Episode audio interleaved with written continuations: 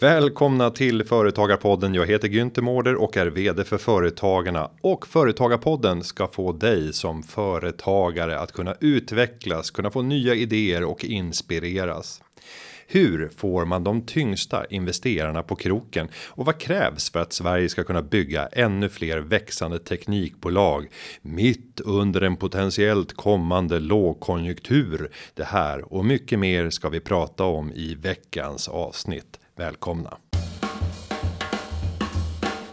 Hon var betalbolaget Klarnas första investerare och har varit rankad som en av Sveriges främsta affärsänglar i över 20 år. Sedan 2016 driver hon investeringsbolaget Valerud Ventures tillsammans med maken Bengt och dottern Caroline. Nu vill hon hitta Sveriges nya miljardbolag inom grön teknik. Vi säger varmt välkommen till Jane Valerud. Välkommen! Jättekul att få vara med. Underbart då. För 35 år sedan så flyttade du till Sverige. Vad hade du för bild av Sverige då? Oh, för guds skull, det är mer än 35 år sedan. Jag flyttade hit hösten 83, så det är närmare 40. Tiden går. Oh, um, ja, vad jag trodde. Att om jag gick ut på vintern utan handskar skulle mina fingrar ramla av när jag hann tillbaka inomhus. Det är en, en, en dyster bild. Om vi tänker på det svenska näringslivet så hade vi ju haft en eh, ganska speciell period under den här delen av, av ekonomin. Hur såg du på svenskt företagande och förutsättningarna att göra affärer i, i Sverige? Eftersom det var 40 år sedan och jag är bara 60. Jag må se äldre ut men jag är bara 60. Så var jag en ganska ung och eh, dökär uh, tjej, tjej som var mitt i en universitetsutbildning i eh, vad som nu heter cognitive science. Uh, och lite datorer och var inte så insatt i ekonomi alls. Kan jag säga. Lite företagande men inte inte svensk företagarklimat, nej. Nej, och du studerade ju data och beteendevetenskap på Stanford och fick en examen därifrån. På vilket sätt har den här examen hjälpt dig i de investeringar som du gör idag? Den examen, uh, det var ju att bygga modeller av hur folk tänker på datorn. Um, som numera skulle heta cognitive science. Då för tiden hette kognitiv, kognitiv psykologi men det, numera så är det någon slags terapimetod. Och det kan jag ingenting om. Um, så att kunna data, det gav, eftersom min, min man startade firma och hade därmed inte så fett, vi hade det inte så fett alls, vilket är ju så när man startar firma, uh, så skulle, behövde jag sälja någon slags kunskap försörja mig och oss. Och uh, då kunde jag datorer. Och den vägen är det. Jag kom in i Sverige på, uh, genom att vara PC support. Uh, på en firma som gjorde PC då. Som, det var här var innan PC skulle bli IBM-kompatibla. Länge sedan. Och, och... Så det, därmed så har den gett mig hela min karriär kan man väl säga i Sverige. Är ju datakunskap. Och en av de stora sakerna tidigt i, i din karriär var ju när du var vd och medgrundare av it-bolaget Bluetail som sen såldes mitt i it-yrans främsta boom för 1,4 miljarder. Vad minns du mest av den resan? De människor jag förmånen att jobba med är fortfarande bland mina absolut favoritmänniskor. Och uh, jag Även om det gav oss alla en väldigt skjuts framåt i livet eh, så önskar jag att jag kunde jobba med dem igen. Och att driva bolag där i slutet av 90-talet och vi har en hysteri kring allt som har med IT att göra och alla målar upp en fantastisk framtidsbild. Eh, vad var känslan under den eran? Om vi ska beskriva det som en, en IT-era. Det var en känsla av att var man framgångsrik så var man ganska snygg och ganska välklädd och det gick relativt lätt. Uh, och den som inte hoppade på det tåget var uh, lite bakom flötet kanske. Uh, för att alla skulle, alla i alla fall som hade den här sortens kunskap med IT och företagande var idiotiska om de inte hoppade på uh, det här. Och att de som jobbade i de stabila storföretagen kände sig, ja, nog inte så bra. Uh, därför. Uh, och en av sakerna jag minns från när vi just skulle sälja Bluetail. Um, eh, då var vi ett gäng som gick längs med Hamngatan uh, och Klacke, Claes Wikström, uh, hade en jätteflaska med god champagne över axeln som liksom en caveman-klubba. Och vi gick och vi hade inte sovit på länge och vi hade inga snygga kläder och vi hade inte klippt oss på bad länge. Och vi hade inte varit i solen heller och, och så vidare. Och då gick vi förbi en bar som finns fortfarande men som då var otroligt poppig som hette T-bar på Hotell Diplomat. Där fanns det snygga människor som var välklädda och brunbrända och välklippta och gick och minglade där bland de andra framgångsrika. Och vår advokat, eh, en man som heter Jan Lomback, tittade på oss utanför motståndarens advokat som var på Strandvägen 7. Spred ut sina armar och sa Det här är bilden av framgång. Och han tittade på oss. Som såg ut som fan. Men det var sant. Och det upplever jag kanske är även ganska sant nu. Uh, det är en massa historier i press om att de som är framgångsrika företagare, de är ju snygga och välklädda och det gick väldigt lätt för dem och de hade de rätta kontakterna och det var det som gällde. Och jag undrar om inte det finns en viss sanning i Janne Lombacks uh, eh, uttalande nu igen att de som är framgångsrika har kämpat som fan länge och är trötta.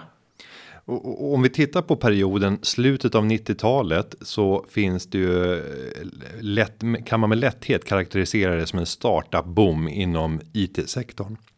Tittar man även på perioden efter 2010 så kan man säga samma sak eh, i Stockholm där vi har sett en startup boom inom nu tech i ett bredare perspektiv. Vilka likheter och skillnader ser du mellan de här två olika perioderna? Ja, det är den här likheten kanske just i mediebilden. Um, jag har förmånen att prata med rätt så många nyblivna entreprenörer och folk som vill bli entreprenörer som har en idé. Och uh, de tror att det skulle gå lätt. Vissa av dem tror det. Vissa av dem tror att det, hade man bara den magiska nyckeln så skulle det kanske gå um, lätt. Var man bara inbjuden till den rätta festen så skulle det gå lätt. Uh, och jag tror att det är snarare att det är inte så. Eller det är sällan så. Det är snarare rätt många års kamp och sen så efter några år så, så blir det bra. Särskilt för deep tech-bolagen. Skillnaden är ju delvis att 2000-talet och tidigt 2010 det var mycket appar. Det var enklare saker att bygga. Och nu så upplever jag kanske att, jag menar, Klarna var inte lätt att bygga. Och uh, inte heller um, de vi bygger nu, de är ju deep tech-bolagen. Uh, eh, climate tech är inte så lätt att bygga. Uh, det, är inte, det är en av anledningarna till att det gick lättare från 2008-2010 var cloud computing. Man kunde dra igång utan att behöva köpa en massa datorer. Det blev ju billigare och enklare. Och på samma sätt är det med alla dessa SAS-verktyg. Man kan ju köpa Slack och Trello och Klarna Checkout och, och, och det går relativt lätt, relativt lätt att bygga någonting. Uh, de företagen har ju gått väldigt bra. Uh, de jag är mer intresserad av är de som kräver lite mer tid och har lite mer immateriella rättigheter. Lite mer competitive uh, ah, från fördelar. konkurrensfördelar heter det visst. Ja. Ja, din, din, jakt på framtida spännande bolag, ja, den pågår ju ständigt. Vad är det du framförallt tittar på idag när du utvärderar potentiella investerare och när är det du känner att du blir helt fångad och känner att wow, det här är helt rätt. Vilka kriterier ska vara uppfyllda? Vi är jättekonstiga, vi i familjen. Uh, vi går efter att ha gjort investeringar mellan 99 och 2008 ungefär, kanske. Då tittade jag tillbaka på vilka av de bolagen jag hade investerat i uh, hade gått bra. Och då visade det sig att um, jag är inte någon duktig investerare. Jag är en väldigt duktig co-founder, men inte så bra på att investera. När jag bara investerat, då har det gått åt skogen för det mesta. Medan som jag har varit co-founder eller jobbat som 17 i några år i början så har de i allmänhet gått bra bolagen. Så, och det är intressant för alla andra. Det finns ju folk som är duktiga investerare. Jag är, jag är lite avundsjuk på dem, ska jag säga. Det vore bra om vi kunde göra det. Men vi har tagit den slutsatsen att vi ska, alla vi ska inte ha mer än två aktiva företag. Okay? Och när vi tar in, går in i ett företag så är vi, och på sistone har vi hetat medgrundare. Um, men det är jättemycket jobb första åren att få igång det hela. Och därmed när vi letar bolag så måste det vara då en av oss känner att ja men mina nuvarande de börjar mogna ifrån det här dagisstadiet och jag kan ju jag kan släppa en och bli var bara en vanlig styrelseledamot och inte en som sätter upp DocuSign-konton och, och uh, Asana. Um, vilket är det jag har gjort idag då. Um, så att det, det, ju, det, måste vara rätt timing för det och det är bara för vår egna alltså tre, fyra år hårt arbete för att få igång ett företag. Och vi är bara tre pers. Så att det är något bolag vi, vi hjälper till med om året kanske. Uh, och det är inte många. Och vi har sagt att det är bara deep tech och bara för levande planeten. Och um, det ska vara tillräckligt bra impact för levande planeten. Det faktiskt kan göra rejäl skillnad för levande planeten för att vi ska tycka det är värt det. Så till exempel Air Forestry var en som vi gick in i för två år sedan. Vad den gör är ju att göra um, skogsbruk från ovan med drönare. Så man skickar ut en drönare och den hämtar hem ett träd från ovan med drönare och tillbaks till vägkanten och sågar i rätt längder för skogsbruket. Okay?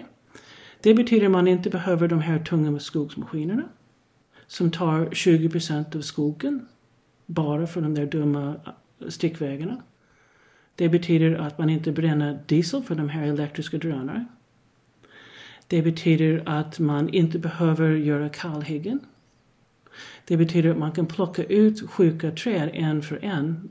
Så att hittar man någon träd med granbarkborre så kan man plocka bort den. Och inte behöver vänta tills halva ens skog är förstörd. Okay?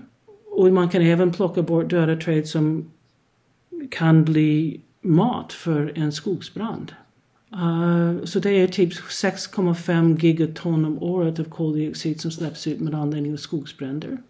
Det är 20 procent mer skog i världen. Det är väldigt mycket mer förnybar uh, råvara och det hela kan bli väldigt mycket, ser ut att bli mycket lönsammare än de, de som gör maskiner. Det där lockar oss. Och, och, det borde locka en hel del fler tänk, eh, känner jag. Eh, vad är det som gör att en eh, en entreprenör ska välja just er som investerare? Hur ser det erbjudandet ut som gör att eh, det är klart att vi vill ha med Valerud på det här tåget? Dels så får man en miljon euro, ungefär 10 miljoner spänn. Och dels får man en av oss tre åtminstone halvtid jobbande, oftast egentligen heltid jobbande i några år utan lön. Vanligen utan lön. Med allt det vi kan. Och vi är alla framgångsrika serieentreprenörer. Uh, eh, och därmed så har vi kontaktnät och vi vet att men nu så behöver det här programvaran eller något liknande. Och uh, nej, när du läser en NDA så är det här grejer som du ska titta på. Allt det där kunskapen bara. Och alla våra kontakter och vi är tre olika personer så vi kan hjälpa till med olika saker också. Så man får en medgrundare eller nästa medgrundare. Man får 10 miljoner spänn och man får en väldigt bra kontaktnät. Det är ju inget dåligt erbjudande och om man tänker på dem ni tävlar mot så är det ju kanske inte sällan riskkapitalister som aldrig skulle erbjuda sin operativa tid gratis. Det är ytterst sällan utan det brukar vara på strategiskt perspektiv och kravställning och här får man alltså en fantastisk arbetskraft. De VC när vi har kommit en liten bit. Vi brukar gå in när det är två, tre pers med en idé bara. Ja. Och när vi kommit en liten bit, det ser ut som det skulle möjligen kanske med mycket tur kunna gå. Innan dess är vi egentligen bara, ja. Då plockar vi in, eller vi erbjuder genom det företaget att folk som har rätt sorts kompetens för just den företaget och är kompisar med oss och vi litar på att komma och investera i egentligen en pre-seed Och sen därefter är det en såld runda och, och så vidare. Um, så att vi är absolut inte tror att vi kan allting själva och är, är oss själva nog utan vi bjuder med många andra. Men vi gör det här allra första från två pers utan oftast inte, ofta utan ens en firma. Okay? till, till någonting som kanske går ner, kommit igenom två, tre milestones. Uh, då, då blir det inom andra. Och det var ju en av dem som eh, först trodde på Klarna efter att de hade refuserats på Handelshögskolan eh, på en stor partnergala och du var tidigt inne i Spotify och så säger du samtidigt att du inte är någon, någon skicklig investerare. Det finns ju ändå några investeringar som har varit rätt hyggliga sett i ett eh, eh långsiktigt perspektiv. Ja, ja, ja det är bra. Um, men Klarna, jag var inte investerare i Spotify. Okay? Uh, ehm, Klarna var, um, det ser man inte på en podcast eller genom Teams. Uh, men jag är väldigt stor. Jag är 1,83 lång och inte det minsta smal. Och uh, det är inte ens så att de flesta armband passar kring mina vrister. Jag är en enorm stor person. Och det betyder att jag måste köpa det mesta av mina kläder och skor på nätet. För det finns inte i vanliga affärer. Eller fanns inte då, nu har det blivit inclusivity. Men, men, så att jag har varit hand, jag har handlat på nätet sedan väldigt länge. För jag har ingen alternativ egentligen. Och inte min man heller, han är två meter. Det går inte. Skräddarsydd eller på nätet. Och det gör ju då att jag hade beställt grejer på nätet och lagt ut mina uh, kreditkortsuppgifter. Och uh, på 90-talet. Och då tyckte ju folk att jag var en idiot som gjorde det. Det var inte säkert alls. Och då såg jag när Klarna erbjöd ett sätt att betala för de saker man beställt, absolut. Men först när man har fått dem. Samtidigt som man erbjöd e-handlarna ett sätt att få betalt även om man skickar ut sina dyra varor till helt okända personer och vi inte vet om man kommer få betalt. Om man kunde ta bort den osäkerheten genom ett, ett sätt att betala som var egentligen med bankgiro och talonger då, det här är länge sedan. Då tyckte jag att ja, men då tar man bort en hel del av risken där. Och jag tror att anledningen till att jag fastnade för Klarna när de pitchade på mig i, ja, innan det där Handelshögskolan eventet uh, var ju just det där, jag såg att det fanns ett behov. Uh, att jag kunde göra det här men väldigt många andra ville inte lämna ut sina kreditkortsuppgifter. Man skulle kunna satsa på det här, göra det lättare för folk att köpa saker och eh, växa med e-handeln, vilket jag trodde skulle växa. Och det har jag gjort. Det, det var ju bra. Och jag minns själv, jag satt i styrelsen för SSI Business Lab eh, när Kreditor startades och fick då möjligheten att utvärdera eh, det här företagsidén och uppstarten av företaget. Min tanke då, det var att eh, det här finns redan. Jag hade Amex Blue som var ett specialkort med inbyggda försäkringar för kreditkortsbedrägerier på nätet. Eh, så jag tyckte att behovet redan var uppfyllt och att de stora betaljättarna skulle vinna det här slaget hur lätt som helst. Varför gjorde inte du samma analys som jag? Antagligen för att jag inte hade Amex Blue. Det problemet var för mig inte riktigt löst.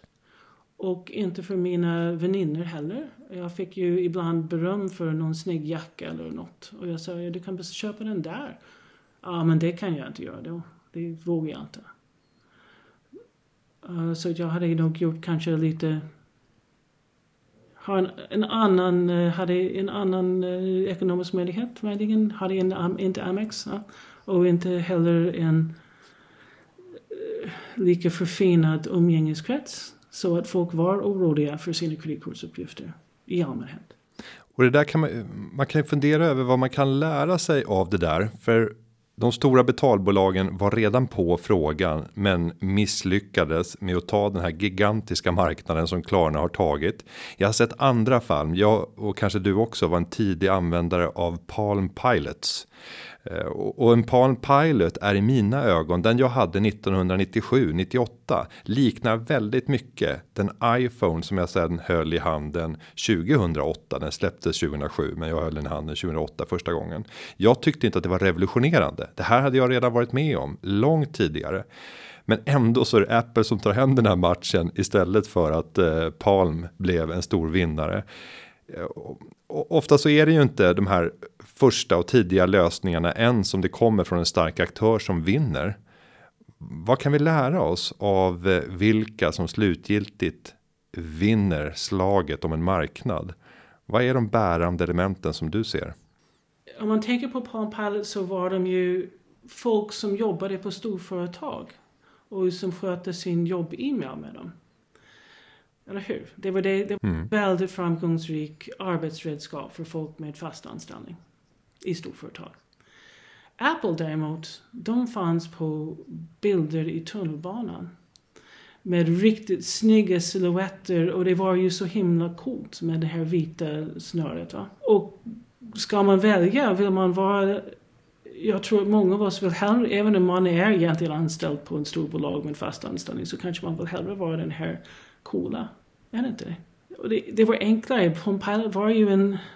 Det gick att göra allting men, men det såg inte så snyggt ut. Användarupplevelsen var inte lysande kan man ju säga om man jämför sen med eh, Apples gränssnitt. Nej, det var ju väldigt bra men det var inte på samma nivå av begärlighet va? det var det inte. Jag tror att det är därför. Jag tror att det är mycket begärlighet. Uh, när man skulle låna pengar från för att köpa någonting på avbetalning på Handelsbanken, säg, i början av 2000-talet, då var det 14 sidor väldigt tätt skriven text i väldigt små font. Fempunktsfont. Och istället så säger Klarna, äh, betala det här senare. Klick. Det, det är bättre användargränssnitt.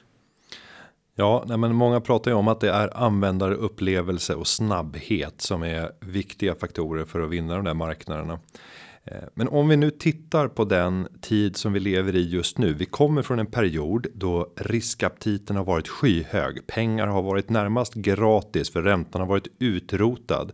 Nu går vi mot en tid med kraftigt stigande inflation. Den högsta på över 30 år och det är än värre i USA än vad det är i Sverige och vi kanske bara ser förspelet nu i Sverige.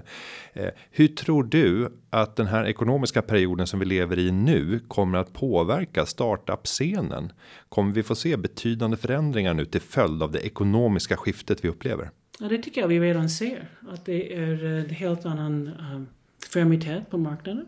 Eh, uh, värderingarna rasar. Uh, många startups har läst igenom Sequoias uh, pitch deck uh, om hur man skulle spara pengar och uh, satsa på default alive och många gör så mycket de kan åt det hållet. För de av oss som var med förra gången det kraschade rejält och även för förra gången. Vi är kvar. Vi kan säga det här kan bli hur hemskt som helst. Gör något nu! För vi är kvar. Det var inte så länge sedan det var en jättekrasch. Så att eh, erfarenheten går vidare, det tycker jag. Och ser vi på några av de eh, stora techbolagen i Sverige, bland annat Klarna, Kry, Storytel, så är det exempel på bolag som under senaste tiden sagt upp väldigt mycket personal. Det här under en period då man tidigare prioriterade tillväxt framför allt. Men nu gör man personalneddragningar. Är de här besluten korrekta eller är de bara nödvändiga? Nödvändiga och korrekta väl samma sak, är det inte det? Mm. I alla fall delvis. Kanske. Kanske långsiktigt, är det rätt för bolaget? Jag tycker nog att um, man har växt väldigt mycket och väldigt snabbt och prioriterat tillväxt över lönsamhet och det funkar utmärkt när uh, det finns inte så stor diskontoränta, eller hur, på framtida, framtida intäkter. Att om man, om man ska säga att uh, räntan eller inflationen är, säger vi 8 procent är det väl ungefär nu. Um, om det fortsätter vid 8 procent då måste man göra en räkna ner värdet på nästa års intäkter med 8 procent kanske. Och om intäkterna kommer om 5 till 10 år. Då är det ju 8 procent på 8 procent på 8 procent. Det blir ju en ganska häftig uh, nedvärdering av framtida intäkter och framtida vinster. Bara automatiskt. Och då går värderingarna ner och då måste bolagen satsa på att ta de där vinst, vinsterna lite närmare i tid. Och då blir det att säga upp folk. Och det blir det att inte expandera lika lite vilt i många länder. Och ser vi till aktiemarknaden så har vi redan fått se en betydande sättning. Men det är ju ingen formidabel krasch ännu. Förutspår du att det finns en överhängande risk för att vi får se en formidabel krasch och då ska vi prata om nedgångar som är långt över 40% från sin toppnivå. Är du eh, orolig för att vi kommer få se det? I många bolag så är vi där. Mm. Om man inte tar de allra största, bästa bolagen, då är väldigt många är nere i de trakter eller, eller mer därtill. Och cryptocurrency är ju ner rätt mycket. Jag vet inte riktigt hur mycket det är sen toppen idag, men det är långt mer än 20 procent i alla fall. Jag tror det är kring 60-70 procent kanske. Mm. Vissa har kraschat och blivit till noll. Så nej, det är ju en, jag tror att det blir en skillnad mellan bolag och bolag. Mellan investeringar och investeringar. vissa kommer att ge, fortsätta att ge ganska bra marginaler. Uh, och bra vinster och möjligen till och med utdelningar som de har gjort i många år och andra som inte får lika mycket pengar för att växa med och inte lika mycket riskaptit. Va? Jag tror det. Um, men som sagt för jag är en dålig investerare, eller hur? Så att jag vet inte. Jag försöker bara bygga, bygga bolag. Och på tal om krypto så har det ju varit en hysteri kring eh, kryptovalutor och det har startats nya på löpande band. Eh, vad är din take på krypto? Hur ser du på det? Jag har inte sett hittills, och jag har verkligen försökt, för jag, var, jag är ju teknikfantast. Jag har försökt, men jag har inte sett någon bra användarcase på den.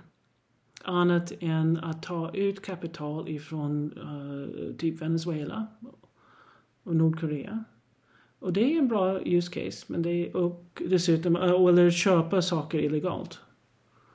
Um, och, och de är två lönsamma use case, absolut, men det är inte sånt som jag vill gärna vara inblandad i.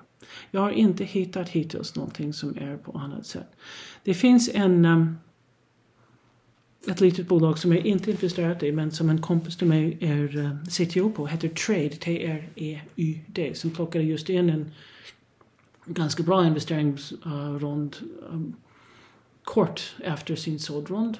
Uh, eh, och den använder en liknande grej till blockchain fast bättre och utan det här slöseri med energi som de har byggt själva för uh, trade finance. Och uh, den, den är bra. Uh, tycker jag. Uh, just det här att använda någonting som faktiskt gör nytta i en, som, som löser något problem som faktiskt gör ont någonstans. Uh, och inte förstör klimatet för dig, För det är ju en av mina stora problem med krypto. Att det använder enormt mycket energi som vi har andra, annan användning för. Ja, och jag jämför ibland kryptovalutorna med andra typer av samlarobjekt som jag har haft i mitt liv genom åren och som jag upplever har ett stort värde. Eh, och där jag kan se att de flera gånger har kunnat stiga och falla i värde. Eh, och en sån sak det är mina hockeybilder från 90-talet. Det fanns en tidning som värderade de här hockeybilderna som jag kunde följa om de steg eller, eller sjönk i värde. Eh, och det är ett samlarföremål och den kan uppbringa ett jättehögt värde. Samma sak gäller med konstföremål och annat. Men att betrakta det just som ett digitalt samlarföremål. Det är ett NFT och det håller jag helt med om. Mm. Det är till och med företag som hjälper till att köpa de där hockeykorten uh, i grupp och lägga dem i säkra ställen och, och, och så. Det finns ju det också. det finns en marknad för allt. Jane, nu avslutningsvis så tänkte jag att du ska få ge lite råd. Du är ju operativt engagerad i de bolag som du har investerat i. Vad skulle du ge för generella råd till bolag inom tech och kanske särskilt inom deep tech? Vad är viktigt att tänka på givet den tid som vi nu möter med den förändrade ekonomi som vi har här? Och jag förstår att det är stora skillnader från bolag till bolag, men på ett generellt plan finns det några allmänna råd som du vill skicka med till dem? Ofta deep tech är uh, en teknik som funkar som är på jakt efter ett bra, en bra användning för tekniken. Och när kapitalet har varit gratis, eller inte lika svårt att få i alla fall, aldrig varit gratis för deep tech, uh, eh, så har man försökt på, mång, på flera olika håll för att hitta det här um, product market fit. Att det, man hittar någonting som kunder verkligen vill köpa det här för. Och man har ju haft, man tagit flera chanser. Nu när det inte är lika mycket kapital så måste man tyvärr fokusera mer och ta de där besluten mycket tidigare om vilka en eller möjligen två saker man tror mest på och satsa allt på att hitta, kund, hitta någonting som kunder verkligen, verkligen vill ha. För deep tech kan man inte bara säga som man kan för software as a service-bolag. Man säger att vi gör inte projektledning, vi gör kvittohantering. Uh, och det är egentligen väldigt likartat eh, uh, skillsets. Uh, eh, deep tech är ju byggt för en viss teknik. Och man kan inte ta en material science engineer och göra om det till en um, kryptoperson. Det går inte. Det är, eller alltså, man kan, men det tar år. Så jag tror att det, man måste nog fokusera, tyvärr, hårdare och tidigare och jobba i samförstånd med ens kunder och, och co-development och lite mer på dem tror jag. Och säkerligen förstå att det tar tid. Ja, det tar lång tid. Uh, det tror jag nästan alla deep tech grundare förstår. Men det blir lite sämre med investerare. Om man är en VC-fond som har som efter man har investerat så vill man ha pengarna tillbaka med väldigt bra avkastning på fem år. Vilket händer rätt ofta. Det är väldigt svårt för deep tech-bolag att passa i den mallen. Ja, med de medskicken Jane så vill vi tacka dig för att du deltog i Företagarpodden. Stort tack! Tack själv! Det var väldigt roligt. Roligt att få vara med. Och för dig som vill ha mer tips om hur du ska utveckla ditt bolag eller vad du ska göra för att förbereda dig för att kunna ta in nytt kapital i företaget. Surfa in på företagarna.se. Där finns mängder av mer inspiration. Avsnittet är klippt av Petra Cho och underlaget det är förberett av David Hagen. Vi hörs igen nästa vecka. Ha det så gott. Hej då!